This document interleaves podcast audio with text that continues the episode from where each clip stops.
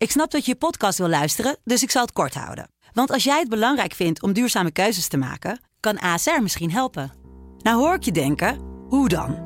Nou, bijvoorbeeld bij het duurzaam herstellen van schade. Of de premies die we beleggen volgens ons duurzaam beleggingsbeleid. Dat bepaalt waar we wel en juist niet in investeren. Wil je meer weten over welke duurzame keuzes ASR maakt? Ga dan naar asr.nl slash duurzame keuzes. ASR doet het. Zo, dan kan je nu lekker naar je podcast luisteren. Dit is Washington Calling, Remember who in God's name we are. This is the United States of America. de Amerika-podcast van de Telegraaf. Met Paul Jansen en Thomas Blom. We are in a competition with the world, and I want America to win.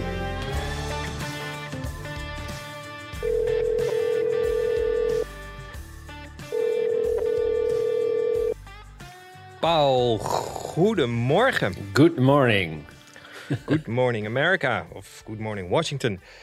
Het begint de traditie te worden. Wat een week. Ja, ja even, even uitpuffen zou je haast willen zeggen.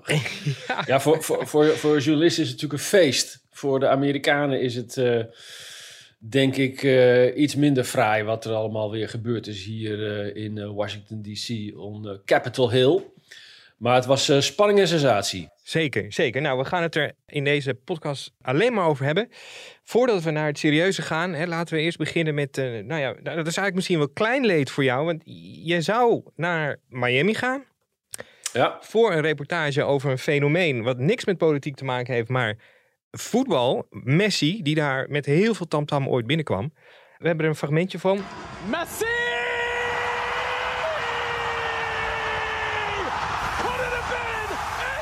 Ja, daar hoorden we net de uitzinnige commentator eh, eh, schreeuwen, schreeuwen dat Messi een doelpunt heeft gemaakt.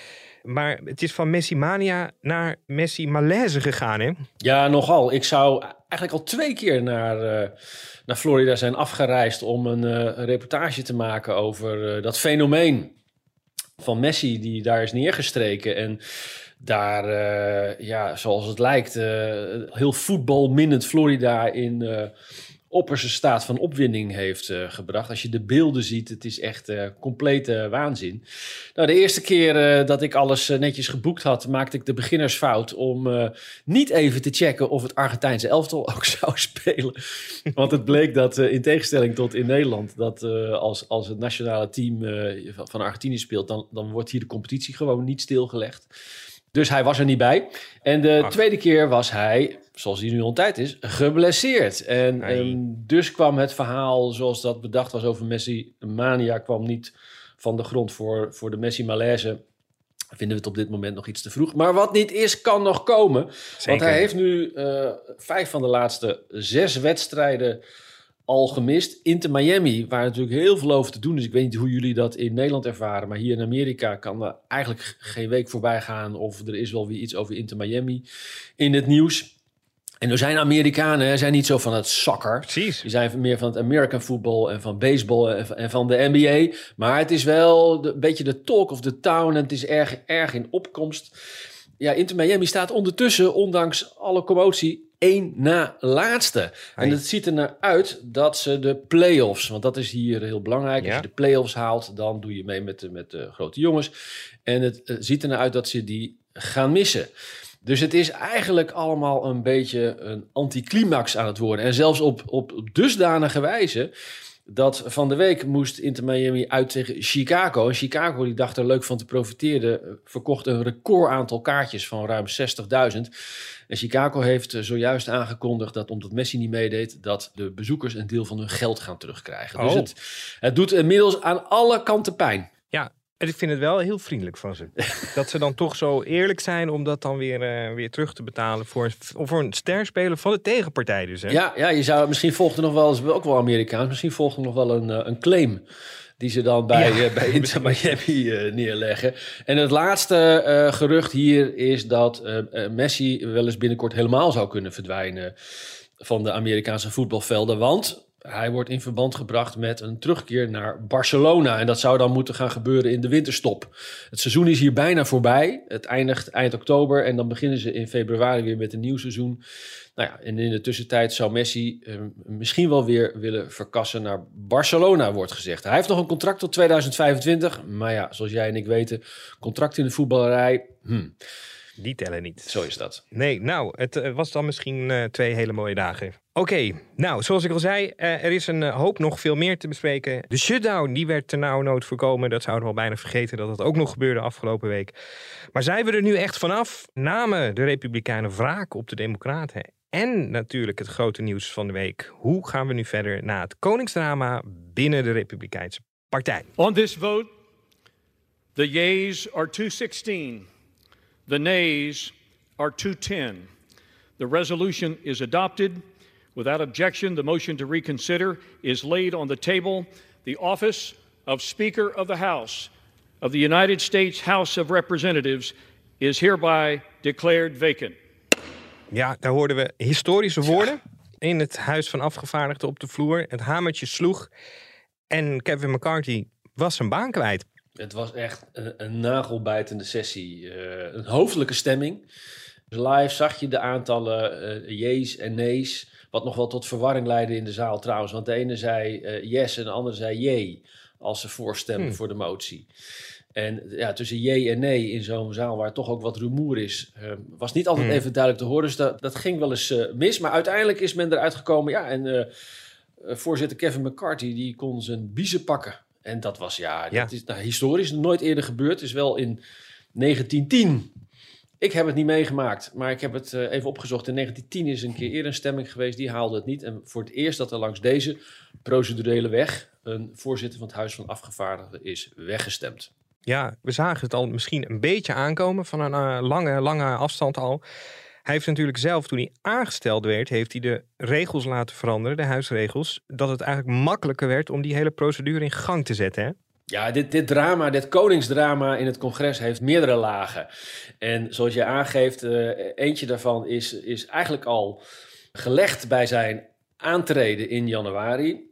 Want eh, het congreslid Matt Gaetz uit Californië, republikeinse hardliner, die heeft inderdaad 15 ronden lang dwars gelegen om die eh, cruciale stem die nodig was om die meerderheid te krijgen, om die, om die te geven.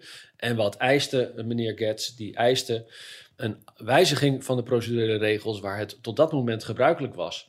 Dat je een eh, motie over het aftreden van de voorzitter in stemming kon laten brengen als er een meerderheid was binnen de eigen fractie. Dus een meerderheid binnen de Republikeinen of een meerderheid binnen de Democraten. Die regel is op voorspraak van Gaetz aangepast totdat eh, elke individuele lid van het Huis van Afgevaardigden zo'n motie zou kunnen indienen. En nou ja, McCarthy ging daar in januari lange tijd niet mee akkoord. Uiteindelijk in die vijftiende ronde moe gestreden, dus maar wel. En hij krijgt hem nu om de oren, want Getz heeft hem ingediend.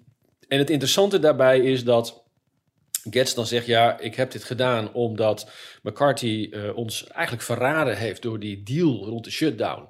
Want wij wilden als Republikeinen wilden wij eh, stevige bezuinigingen voor die begroting. Want ja, de Amerikaanse overheidsfinanciën die stevenen echt op een afgrond af. Dus dat kan zo niet langer. Het verhaal wat anderen vooral vertellen is dat het een persoonlijke afrekening is. Er liep een onderzoek naar eh, de handel en wandel van meneer Getz. Onder andere wegens drugsgebruik en het vermeend aannemen van steekpenningen. Dan wel het aannemen van eh, snoepreisjes naar de Bahama's met eh, dames van plezier. Allemaal gefinancierd door een ondernemer. FBI heeft erin gekeken, heeft het afgesloten. En wat gebeurde de afgelopen zomer? De ethische commissie van het Huis van Afgevaardigden heropende zelf een onderzoek. En daar was meneer Getz woedend over. En dat rekende die McCarthy aan, want die heeft het niet tegengehouden. Dus dit was een van die persoonlijke afrekeningen die hier de afgelopen dagen op de achtergrond en tegelijkertijd op de voorgrond waren. Ja, maar deze meneer Gates, wat is zijn positie binnen de partij nu? Want er zijn denk ik ook wel een hoop republikeinen die van hem af zouden willen. Ja, dat hoorde je dus ook meteen. Er zou wraak worden genomen op meneer Getz en die zou wel eens eh, uit zijn eigen eh, fractie kunnen worden gezet. Nou, daar is tot nu toe eh, niets van gebleken.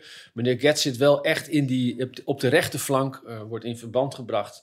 Niet alleen als Trump getrouw, maar ook met de, de Freedom Caucus. En de Freedom Caucus, dat is een groep van 20, 30 republikeinen, oerconservatief, die te hoop loopt tegen de gevestigde belangen in Washington, D.C., die fundamentele wijzigingen wil in de wijze waarop hier politiek wordt bedreven. En die eigenlijk mhm. ook op, op ja, dat worden, kunnen worden gezien als Trumpiaans. Ja, en zijn actie, ja, is er nu al zicht op, op hoe het nu verder gaat?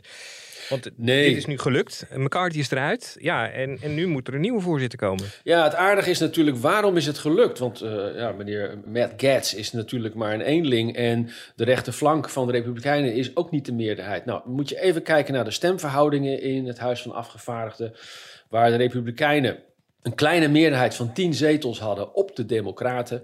En er is een soort monsterverbond opgestaan tegen Kevin McCarthy, waarbij de rechtervleugel van de Republikeinen steun kregen van de volledige Democratische fractie. En waarom gingen de Democraten akkoord met het wegstemmen van de op zich gematigde McCarthy, met wie ze nou net die deal hadden gesloten om de shutdown te mhm. voorkomen? Ja. Nou, de reden daarvoor ligt met name in dat McCarthy, die heel erg moest laveren tussen zijn eigen rechterflank en die democratische minderheid dat McCarthy in had gestemd met het afzettingsonderzoek naar president Biden.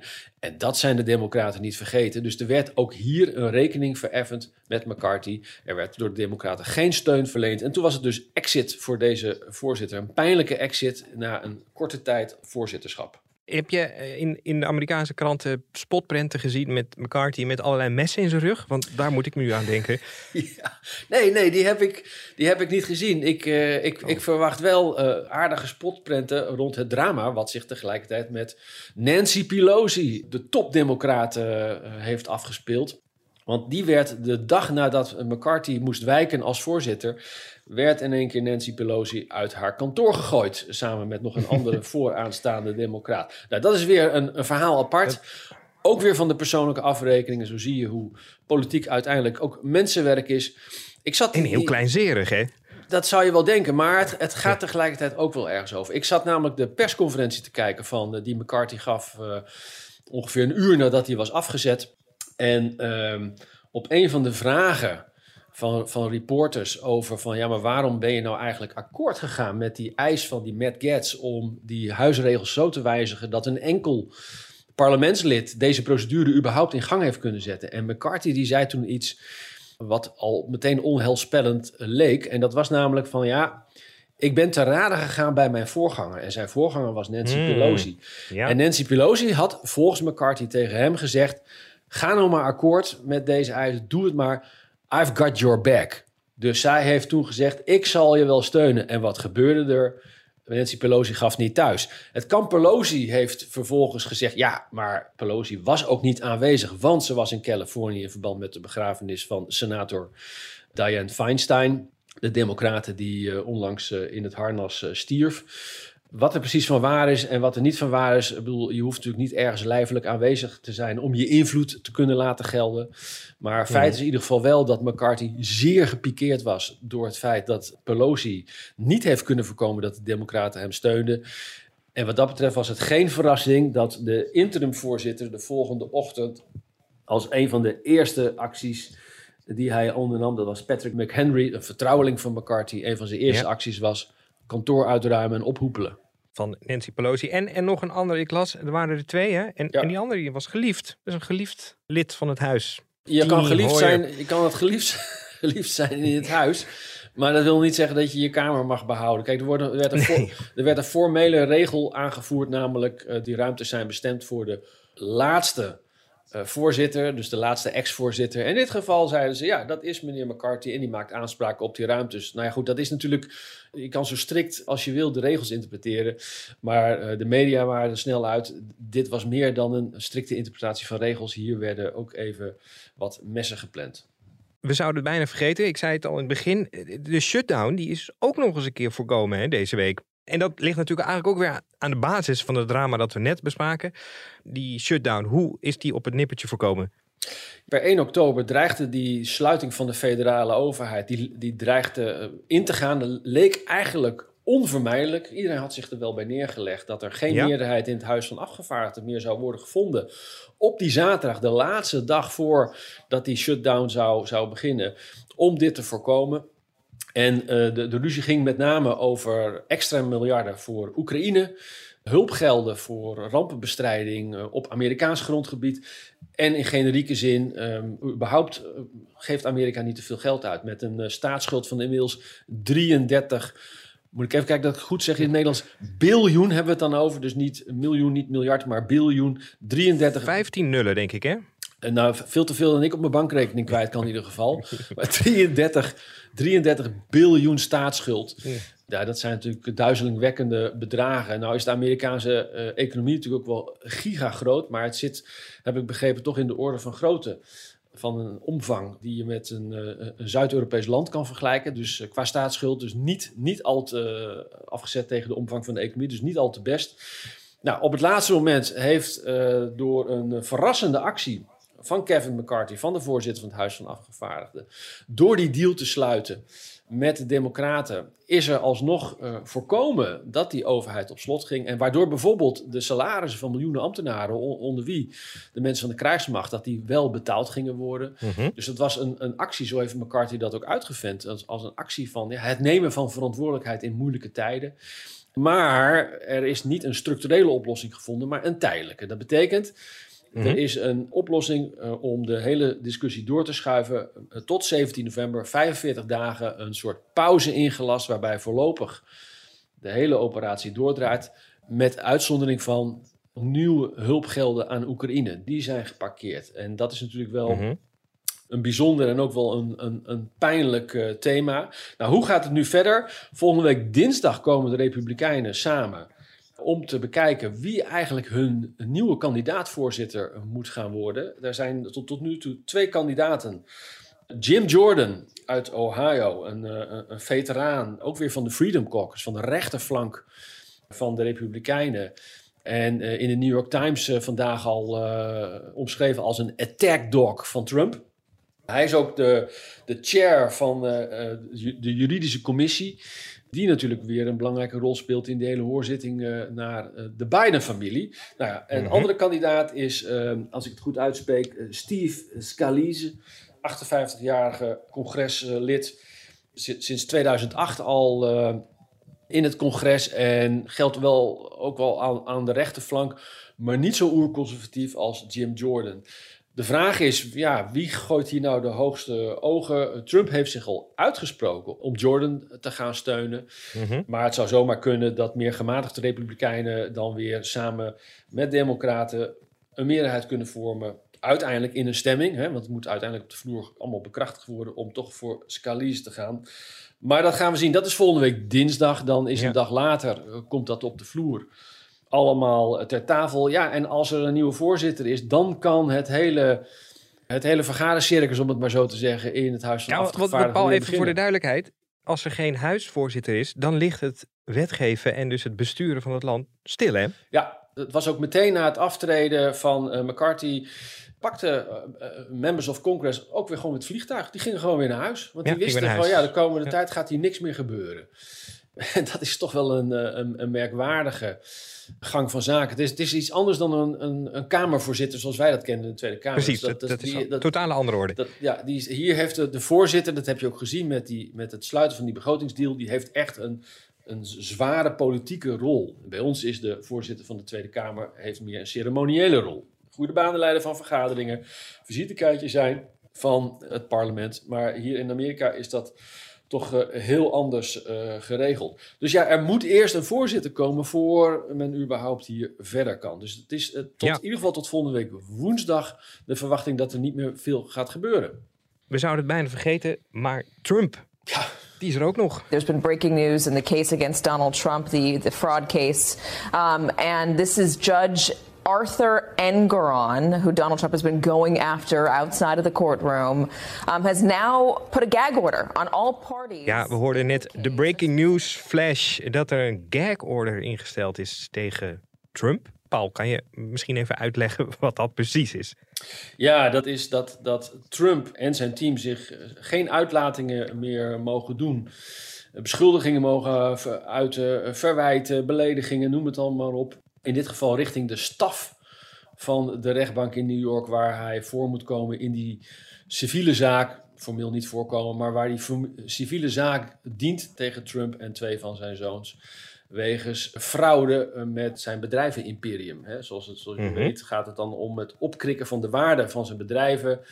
Dat zou kunstmatig hoog zijn uh, gehouden, zodat Trump via de Trump Organizations, waar ongeveer 500 van zijn activiteiten onder, onder hangen, dat Trump daarvoor uh, goedkopere uh, leningen en verzekeringen zou kunnen afsluiten. Sowieso een hele... En, hele... En niet, niet, alleen dat, hè? ook de oppervlakte van zijn appartement heeft hij wat groter aangezet, geloof ik. Ja, maar ook allemaal weer met als doel met als doel om die, tenminste dat is de beschuldiging, met het doel om, om goedkopere leningen. Dus hij heeft alles overdreven, alles overdreven met als doel om, om uh, daar zakelijk gewin bij te hebben. En het, het, het merkwaardige aan deze, deze civiele zaak is A, dat het een civiele zaak is, dat de aanklager geen strafrechtelijke zaak is begonnen, maar een civiele. Nou ja, dat kan in dit geval, omdat er dan een enorme claim kon worden neergelegd van 250 miljoen dollar. Het tweede wat er merkwaardig aan is, is dat als Trump inderdaad fraude zou hebben gepleegd, dan zou je toch verwachten, ja, dan zijn er gedupeerden, zoals eh, banken en verzekeraars, en die zouden zich dan melden, maar die spelen hierin totaal geen rol. Dus wordt alweer meteen gezegd, zie je wel, dit is weer zo'n voorbeeld van een politieke vervolging. Maakt allemaal deel uit van een brede complot om Trump uh, ja, kapot te maken in aanloop naar die verkiezingen van volgend jaar. Even terug naar de gag order die door de rechter is uitgesproken. Want waarom is dat, is dat gebeurd? Want Trump heeft er een handje van. Uh, gaat geen week, misschien nog geen dag voorbij. Of er, of er klinken wel beledigingen aan het adres van mhm. rechters, aanklagers, getuigen, partijgenoten, noem het allemaal maar op. Maar in dit geval had Trump via een post op zijn uh, sociale medium Truth had hij een, een foto geplaatst waarbij uh, beledigingen aan het adres van de griffier, dus dat is zeg maar de rechterhand van de rechter, werden geplaatst. En dat betrof wel interessant een foto van die griffier met de leider van de Democraten in de Senaat, Chuck Schumer. Chuck. Uh, die door Trump als zijn girlfriend uh, werd gezet. Nou ja, Trump plaatste die foto om weer eens aan te tonen van zie je wel, het is allemaal een democratisch complot om uh, mij een kopje kleiner te maken. En de rechter, die zelf ook al van alles en nog wat is beschuldigd door Trump, die vond dit te ver gaan. Die zei: hey, jij komt niet aan mijn staf, dus nu de kerkorder. Ja, dus, en dat is voor de duidelijkheid: over deze mensen mag je niks zeggen. Hij mag wel over al het andere. Ja. In de wereld dingen zeggen. Ja, correct. Maar goed, de vraag is natuurlijk in hoeverre Trump zich daar gaat houden. Is, weten we dat eigenlijk? Of eh, wat staat daar voor straf op als hij toch uh, iets zou eruit flappen? Nee, dat is aan de rechter. Dus die, uh, die, rechter. die, die, heeft uh, al wel gewaarschuwd dat hij niet mals zal oordelen en handelen als hmm. een overtreding is. Maar dat is de discretion of the judge. Oké, nou, dat gaan we zien. Van de ene rechtszaak naar de andere rechtszaak. Hunter Biden, de zoon van de president, die kwam in Wilmington voor het hekje. En Paul, jij was daarbij, hè? Ja, ik dacht, uh, het is toch wel aardig om. Ik ben bij, die, bij de, de strafzaak uh, hier in DC geweest, waar um, Trump zich in augustus moest melden bij de rechter. Eigenlijk voor een soort soort gelijke procedure um, als nu Hunter Biden ten deel viel. Een strafzaak waarbij de verdachte zich moet melden.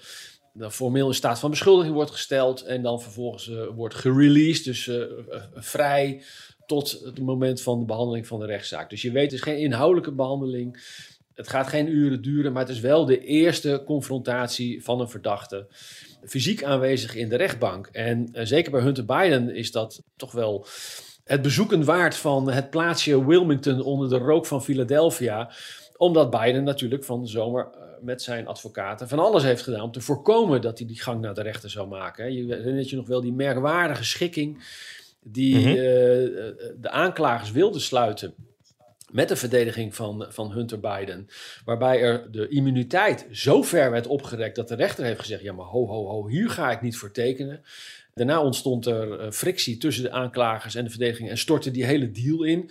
En dus moest Hunter Biden nu de vernederende gang naar die rechtbank, federale rechtbank in Wilmington maken. Nou ja, dat is, dat is natuurlijk ook weer een mediacircus. En ik wilde wel eens zien van ja, hoe gaan nou ook media hiermee om, afgezet tegen wat ik daar voor de rechtbank in DC met Trump heb gezien. Ik moet wel zeggen, eh, eh, de, de opkomst, als je het hebt over de mediaopkomst bij Trump, was wel groter. Maar tegelijkertijd zag je wel dat alle networks ook weer hier in Wilmington aanwezig waren. En eh, ik sprak toevallig eh, altijd een zwaktebod uh, als je als journalist een andere journalist gaat interviewen. Maar ik, ik stond daar een beetje te kijken en in te schatten van ja, hmm, hoe druk is het nou? Dus ik kwam daar een Amerikaanse journalist tegen. En ik vroeg aan hem van, joh, uh, wat, wat vind jij? Is dit nou vergelijkbaar? Was jij ook in, uh, in, in Washington D.C. bij uh, de zaak Trump in augustus? Nou, dat was hij. Ik zei, ja, is dit nou vergelijkbaar? En toen zei hij ook, ja, alle networks zijn hier, zijn hier weer aanwezig. En hij vond het een hoop drukte om niks, zei hij ook nog. En... Hm. Ik herkende de man niet, maar ik zag wel dat hij uh, tandpasta witte tanden had en een, en een kleurtje wat er meestal op duidt dat hij niet achter, maar voor de camera staat. dus ik zei, ja, ben jij, ben jij van, hè, want heel veel uh, zenders hebben hier allemaal lokale afdelingen, maar hij bleek ja. dus van The National te zijn, van NBC. En het was meneer Candelanian. Ik, ik zal het niet meer vergeten, meneer Delanian. Maar hij was heel aardig, vond het helemaal niet erg dat ik deze beroemdheid niet had had erkend. Maar hij is zo gewoon gebleven, hè, Paul? Hij is zo gewoon gebleven. Je zou het niet verwachten bij journalisten.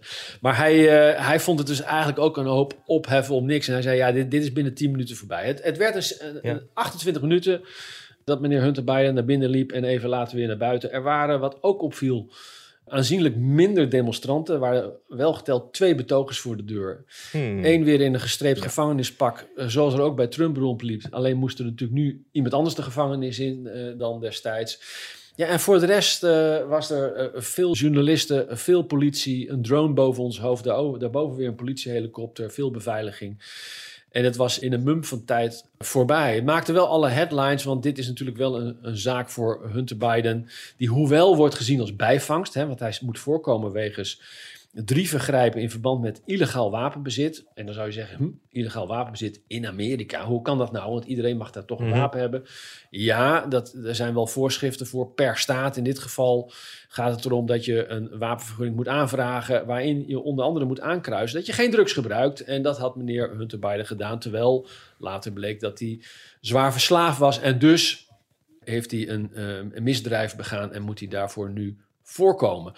Er staat geloof ik 25 jaar max op, maar dat gaat hij niet krijgen. Nee. Eerste overtreding. Uh, maar nogmaals, dit is eigenlijk meer bijvangst.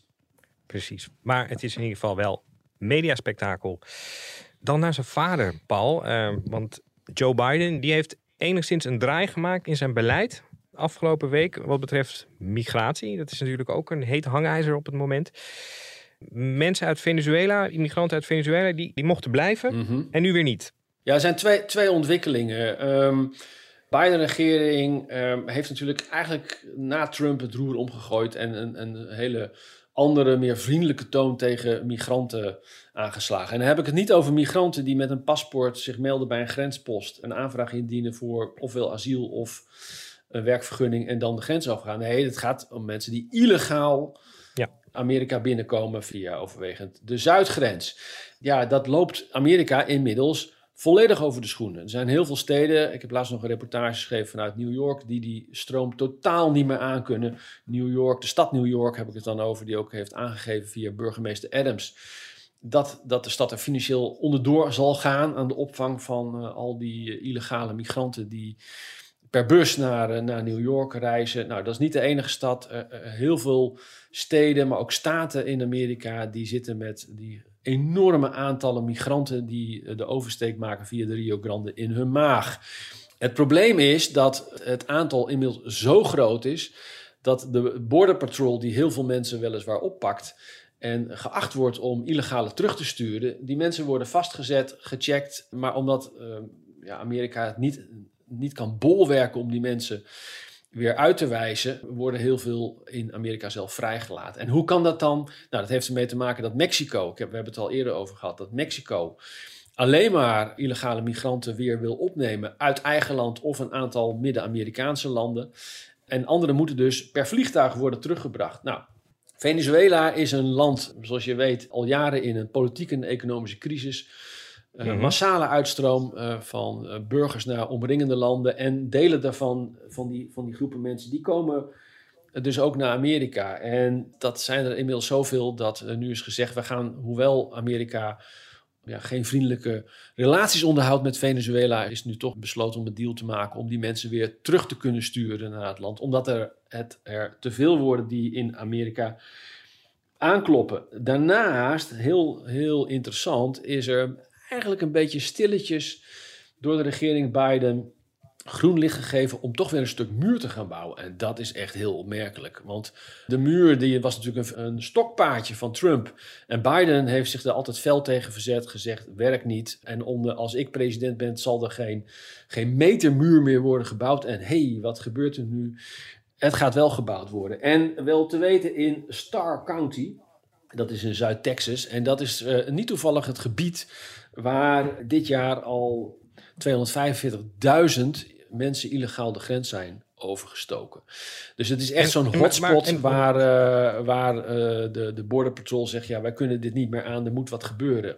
Maar hoe, je zegt het is stilletjes gedaan. Is dit totaal geen rugbaarheid aangegeven? Of is er wel ergens iets in het nieuws verschenen over de muur?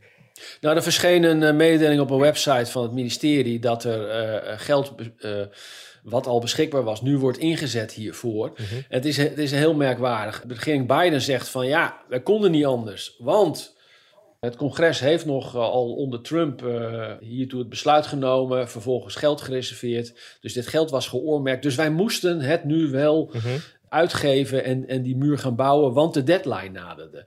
Nou ja, dat is natuurlijk een beetje merkwaardig als het A, tegelijkertijd 26 wetten voor opzij zijn gezet om die muur te kunnen bouwen. Dan gaat het over allerlei wetten over bescherming van natuur en allerlei uh, andere zaken. Mm -hmm. Maar tegelijkertijd, ja, er was, het klopt dat er een deadline was. Maar als je die liet verstrijken, ja, dan, was, dan betekende dat gewoon dat het geoormerkte geld terug zou vloeien. Dus het was wat dat betreft, was er natuurlijk wel degelijk een alternatief. En werd dit een beetje als yeah. drogreden gebruikt om te verhullen dat Biden eigenlijk terugkomt op zijn eigen beleid, dat de, dat de muur niet helpt. Dat wil niet zeggen dat de president dat nu ook ruidelijk toegeeft, want hij heeft gisteren opnieuw gezegd dat hij blijft vinden dat het bouwen van een muur gewoon niet helpt. Nee, maar hij zal dus waarschijnlijk, dat denk ik dan nu, toch ook wel voelen dat hij iets moet doen aan probleem. Is er iets in de publieke opinie dat, dat democraten, of tenminste mensen die democratisch stemmen, ook daar beginnen, over beginnen te morren? Uh, nee, dat, dat zie je nog, nog niet echt, behalve natuurlijk in een stad als New York. Hè? Dus lokaal, ja. lokaal zie je dat wel. Uh, New, York, uh, de, New York City is natuurlijk een democratisch bolwerk. En, ja. en daar zie je het verzet echt wel, echt wel groeien, omdat mensen zien, ja, dit, dit is gewoon onhoudbaar wat hier gebeurt. En we willen wel een, een, een veilige haven, een sanctuary zijn, maar ja, op een gegeven moment kan je dat niet meer aan met, met de huidige aantallen die, die binnenkomen. Aan de zuidgrens, waar ook veel natuurlijk overwegend republikeinse staten en, en gouverneurs uh, regeren, wordt natuurlijk al heel lang gezegd van. En, en stemmers. En, en, en, stemmers wordt natuurlijk al heel lang gezegd van ja, dit is een, een totale uit de hand gelopen zaak. En we moeten veel harder ingrijpen dan wat er nu gebeurt. Ja, de bouw is dus gestart daarvan? Of gaat starten? Die, die gaat starten. Er is nu groen licht gegeven, die starten, dus die bouw ja. gaat starten. Het gaat, je moet je niet voorstellen dat het gaat uh, om, uh, om honderden, zo niet duizenden uh, kilometers of miles waar ze hierin in, in rekenen. Maar het gaat in één geval om het opvullen van een soort gat tussen twee muren, wat, wat nu dan hmm. alsnog wordt afgebouwd. En in een ander geval gaat het geloof ik om enkele kilometers ik geloof 20 kilometer waar een, een, een, muur wordt gebouwd. Maar dus wel net, wel in een gebied waar er heel veel uh, illegale uh, crossings zijn. Dus um, het is niet allemaal toeval. Nee. Nou, we gaan het wederom, zoals zoveel dingen in deze podcast, we gaan het zien hoe dit gaat uitpakken. Van de Texaanse grens naar een Texaanse afgevaardigde. Jouw mediamoment van de week, Paul, Laten we eerst luisteren. Congressman Henry Cuellar of Texas is back on Capitol Hill after being the victim of a carjacking last night. He says he was parking his car in southwest Washington, D.C., about one mile from the Capitol when it happened. Ja, er is een carjacking. Dat is een, uh, een, ja, een autoroof. Mm -hmm. Ik dat zo goed? Ja. Nou ja, uh, niet, niet, niet zozeer een autoroof, maar een autoroof met, met de bestuurder er nog in. Hè? Dus die wordt gewoon ja, een pistool op het precies. hoofd gezet. Uh, nu uitstappen en auto weg. En dat is dus een congreslid, een afgevaardigde van Mhm. Texas, Henry Ja. Cuellar, zoals we net horen. Is dat overkomen? Eh, hoe is dit ontvangen? Eh, Is dit groot nieuws? Ja, dit werd, dit werd breed opgepikt eh, door de Amerikaanse media, om, omdat het een member of Congress was, Mhm. die dit overkwam. Overvallen door drie mannen, drie gewapende mannen, met een pistool bedreigd, auto kwijt. Maar de FBI werd erop gezet, Capitol Police, want het was niet heel ver van Capitol Hill. Ook nog in een gebied waar meerdere eh, leden van het congres wonen. En dat bij elkaar was toch wel aanleiding om Ja, hier veel media-aandacht aan te geven. Maar het is, het is niet in de bad part of town, eh, het eh, Capitol Hill. Nee, maar het is iets ten zuiden. Het is daar bij de Werf, zoals dat geloof ik heet. en, en daar, dat is wel een hotspot waar het vaker mis is.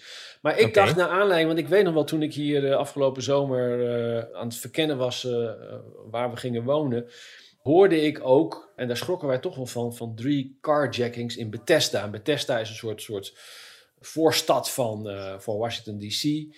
En eh, ja, in Nederland is dat, ge- gebeurt dat eigenlijk zelden tot niet, carjackings. En eh, hier hadden we Mhm. toch al een, een, een aantal keren daarvan gehoord. Maar deze zaak die zo in de aandacht kwam en, en heel veel media daar in één keer in gingen duiken. Toen las ik ergens in een van de verhalen het aantal carjackings in DC alleen al dit jaar. Moet jij eens raden hoeveel dat er zijn? Oeh, in DC. Nou, Dus alleen in de stad. in de stad DC, In dit de- jaar. Dit Eh, jaar in de stad eh 2023. eh. Dan eenmaal zou allemaal- ik zeggen f- 50. Het zijn er inmiddels 760.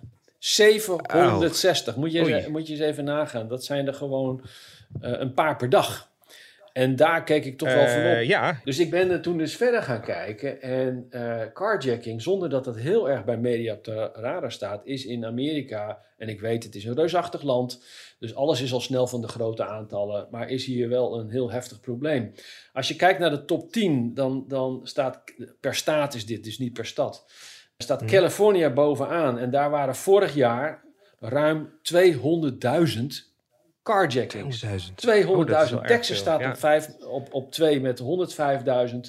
Nou, en zo gaat het door. Maar er worden hier per jaar honderdduizenden auto's geroofd, waarbij de bestuurder in 75% van de gevallen een pistool op zijn hoofd krijgt. Dit is een, is een soort eh, het gemak hoe het in Amsterdam je fiets gejat wordt. Zou ik Ja, zo zeggen. maar dan meestal zit je er dan niet op, weet je, en dat is ook vervelend. Nee, zeker. Nee, nee, maar ik Eh, bedoel, het, het- het, het bed- is- het bedreigen hier in Amerika, het land wat toch al vergeef is van de wapens, is dat, dat het met vuurwapengeweld is. Eh, Het bedreigend is ook dat het gros van de, van de daders minderjarig is. Er zit een piek onder 15 en 16-jarigen. De jongste die in de, in de statistieken voorkomt was 12 jaar, mind you, hè. Eh, 12 jaar Oeh. en dan ga je even een eh, auto eh, op geweld en die heeft niet eens een rijbewijs. Nee, nee, dan moet je hier 16 zijn. Maar ja, eh, ik denk niet dat als je, als je een, een auto op deze manier eh toe-eigent, dat dan het niet hebben van een rijbewijs je, het zwaarst wordt aangerekend als je voor de Nee. komt te staan. Maar interessant is wel dat die carjackings eh, een enorme vlucht hebben genomen sinds 2020. Daarvoor was het slechts een fractie van de aantallen nu. Het is echt een, echt een plaag aan het worden in Amerika. En er worden meerdere redenen voor gegeven. Er wordt allereerst een verband gelegd met corona. Want, want tijdens corona is, is die toename eh, spectaculair gaan stijgen. En daar worden dan weer acht, allerlei redenen achter gezocht. Van ja, eh, gezien ook dat het gros van de daders uit eh, jongeren betreft. Er zijn eh, door corona zijn er allerlei hulpprogramma's stilgelegd. Waardoor mensen niet meer op een positieve manier werden geholpen. Nou, een beetje, Mhm. beetje een soft verhaal. Verveling wordt ook genoemd. Baldadigheid. Hè, juist minderjarigen die gewoon willen joyrijden. En eh, vroeger ging je dan een auto stelen, maar met de huidige technologie is dat vaak niet meer mogelijk. Als, je, als, als dus de autosleutel niet in de buurt is van de auto, krijg je zo'n Ja. zo'n wagen, zo'n moderne auto niet meer aan de praat. En dat zou carjackings in de hand werken. Ik weet niet wat hier precies, eh, hoe zwaar het allemaal weegt. Eén ding is wel duidelijk, dat dit een gigantische plaag is met een enorm sterke toename jaarlijks. Als we zien in, in alleen al hier in DC waren er vorig jaar, over het hele jaar, waren er ongeveer 300 carjackings. En nu staan we dus alweer op 760. Zo. Je vraagt je af waar het heen gaat. Zeer, zeer zorgelijk. Ja. Ehm, dus ik rij nog maar eens een blokje om. Nou, het is een eh, verdrietige ontwikkeling.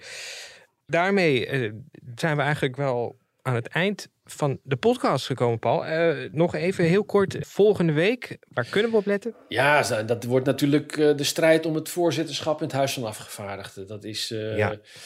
En niet te vergeten, toch nog even kijken of Messi misschien nog ergens bij een wedstrijd oh ja. opduikt aan het einde van het seizoen. Om te zorgen dat zijn clubje alsnog naar de play-offs gaat.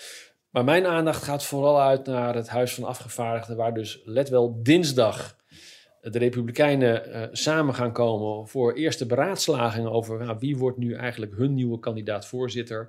En uh, als ik het goed heb begrepen, wordt dat een dag later allemaal op de vloer voorgesteld. Ja, en het is volstrekt onduidelijk uh, hoeveel tijd er gaat verstrijken voordat er dan ja. ook eindelijk weer iemand dat hamertje mag vasthouden. Precies, want dat was zoals het in januari ging, duurde dat ook lang en lang. Ja. Spannend wordt het. Nou, het wonder van het huis misschien en het wonder van Messi. Paul, tot volgende week. Uh, luisteraars, bedankt. Abonneren op deze podcast. Dat kan in je favoriete podcast-app. Doe dat vooral en dan horen jullie ons volgende week weer. Dag Paul.